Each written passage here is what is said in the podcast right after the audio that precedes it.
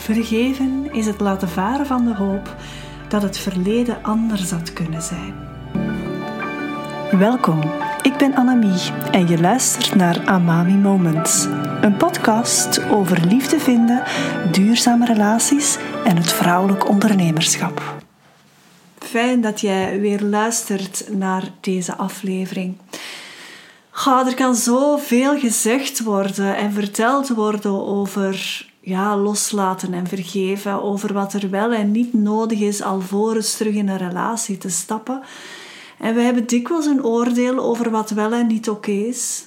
Na een relatiebreuk onmiddellijk terug in een andere relatie stappen, dat wordt heel vaak afgeraden of veroordeeld. Terwijl het bijvoorbeeld perfect zou kunnen zijn dat die relatie emotioneel misschien al veel langer over was, waardoor het moment dat er dan effectief uit elkaar gegaan wordt, je hart al vrij kan zijn voor nieuwe liefde. Dat is een ander verhaal als je na een eerder onverwachte breuk plots in een andere relatie stapt vanuit het gevoel niet alleen te kunnen zijn. En dat zijn nu misschien twee uitersten, maar ik denk dat je wel begrijpt wat ik bedoel. We kunnen voor niemand beslissen wat goed of fout is, tenzij het over onszelf gaat. Wat eerder belangrijk is in mijn ogen, is dat de manier ja, hoe je uit elkaar gaat, dat dat wel belangrijk kan zijn. Tussen mij en mijn ex-partner bijvoorbeeld was het al langer over. We hadden al een paar jaar wat problemen. Maar we konden elkaar moeilijk loslaten, omdat het leven dat we samen hadden opgebouwd wel een leven was waar we bewust allebei aan gebouwd hadden. En de beslissing om dan uiteindelijk toch elkaar los te laten gaf bij ons allebei een bepaalde opluchting.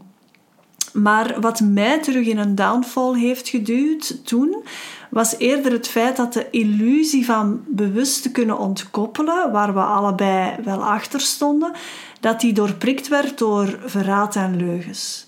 Bewust ontkoppelen doe je als je allebei voelt dat je niet meer kan groeien als je bij elkaar blijft.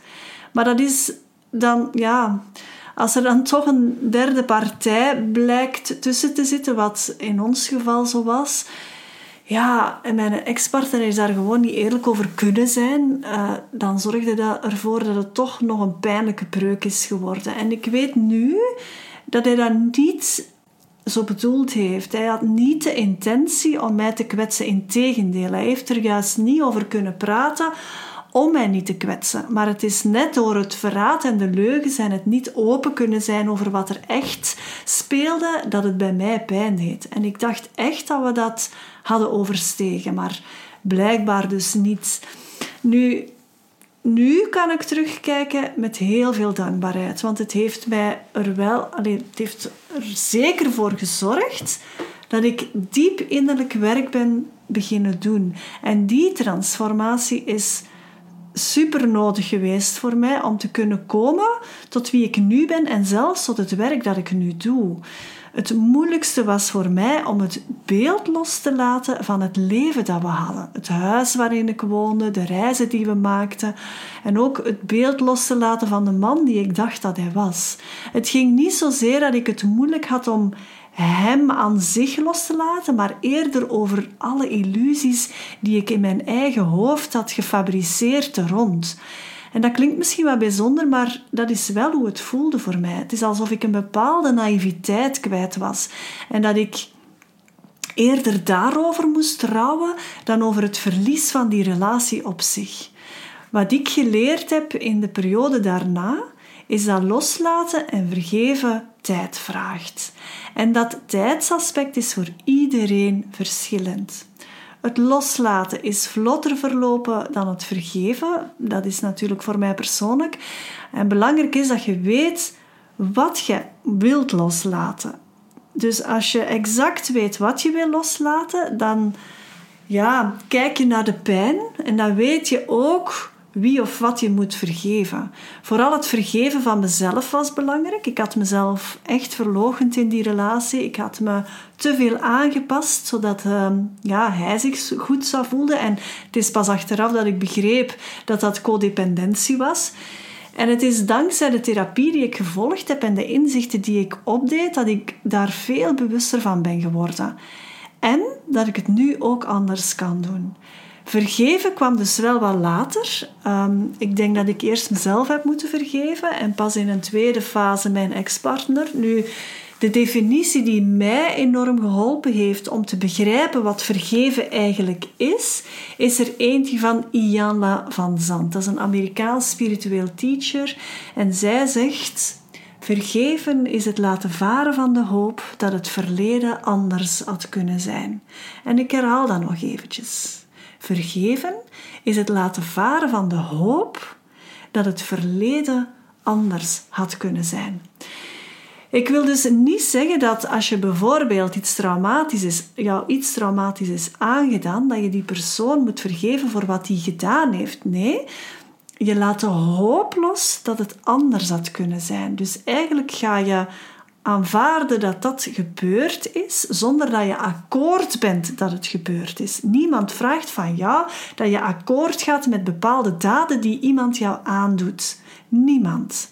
Het enige dat deze definitie ja, doet, is jou uitnodigen en jou de vraag stellen of je iets constructiefs kan doen met datgene wat je is aangedaan. En ik begrijp dat dat echt tijd vraagt. In het begin roept dat eerder weerstand op wat ik nu zeg, maar de moment dat je klaar bent, dan ga je heel goed begrijpen wat ik hiermee bedoel. Alleen door breder te kijken naar wat er is gebeurd, door dat in een ander perspectief te zetten, kan je de pijn die het heeft veroorzaakt gaan overstijgen. En dan maakt het jou krachtiger. Het gaat over het afpellen van alle lage pijn, om dan te komen tot wie jij onaangetast bent. En dat is wie je bent. Dat is jouw potentieel. Daar zitten jouw kansen en je mogelijkheden. En dat is de reden dat vergeven zo belangrijk is. Om te herontdekken wie er onder al die pijn zit en welk licht jij uiteindelijk kan laten stralen in deze wereld. Nu, om op de vraag nog even terug te komen of het echt belangrijk is um, om ja, alles te hebben losgelaten en alles te hebben vergeven alvorens je terug in een relatie stapt, dan is mijn antwoord daar heel duidelijk nee op. Niet per se. Want soms lukt dat beter als je terug in een veilige relatie bent. Vergeven, dat doe je vooral voor jezelf. Om bevrijd te kunnen zijn van ongevraagde ballast. Om meer te kunnen zijn van wie jij eigenlijk bent.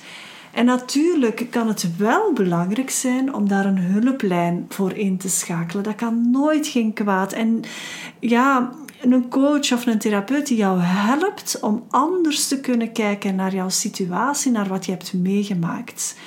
En dat is wel belangrijk. Maar het is zeker niet zo dat je alles moet afgewerkt hebben. Het is belangrijk dat als je toch terug in een relatie stapt, dat je een open liefdesroep hebt.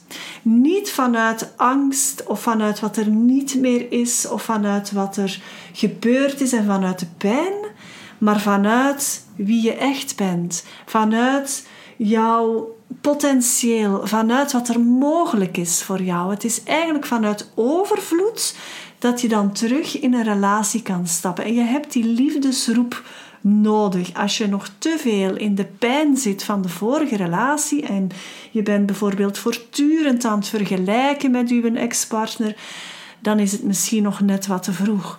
Maar als jouw hart open staat, als je een liefdesroep voelt, dan is het heel oké om toch in een nieuwe relatie te stappen. Ook al ben je nog niet helemaal rond met dat innerlijke werk rond loslaten en vergeven. Nu, ik kan mij voorstellen dat jij misschien wel wat vragen hebt rond dat loslaten en rond dat vergeven beter. Laat het mij dan weten. Dan hoor ik graag van jou. Check even de link bij deze podcast ook. En um, dan help ik jou heel graag verder. Heel graag tot een volgende keer. Ben jij een ondernemende vrouw en wil jij te weten komen hoe ik jou kan helpen bij het aantrekken van de juiste liefdespartner? Boek dan een gratis matchcall die je kan inplannen via de link bij deze podcast. Ik ontmoet jou graag in een volgend Amami Moment.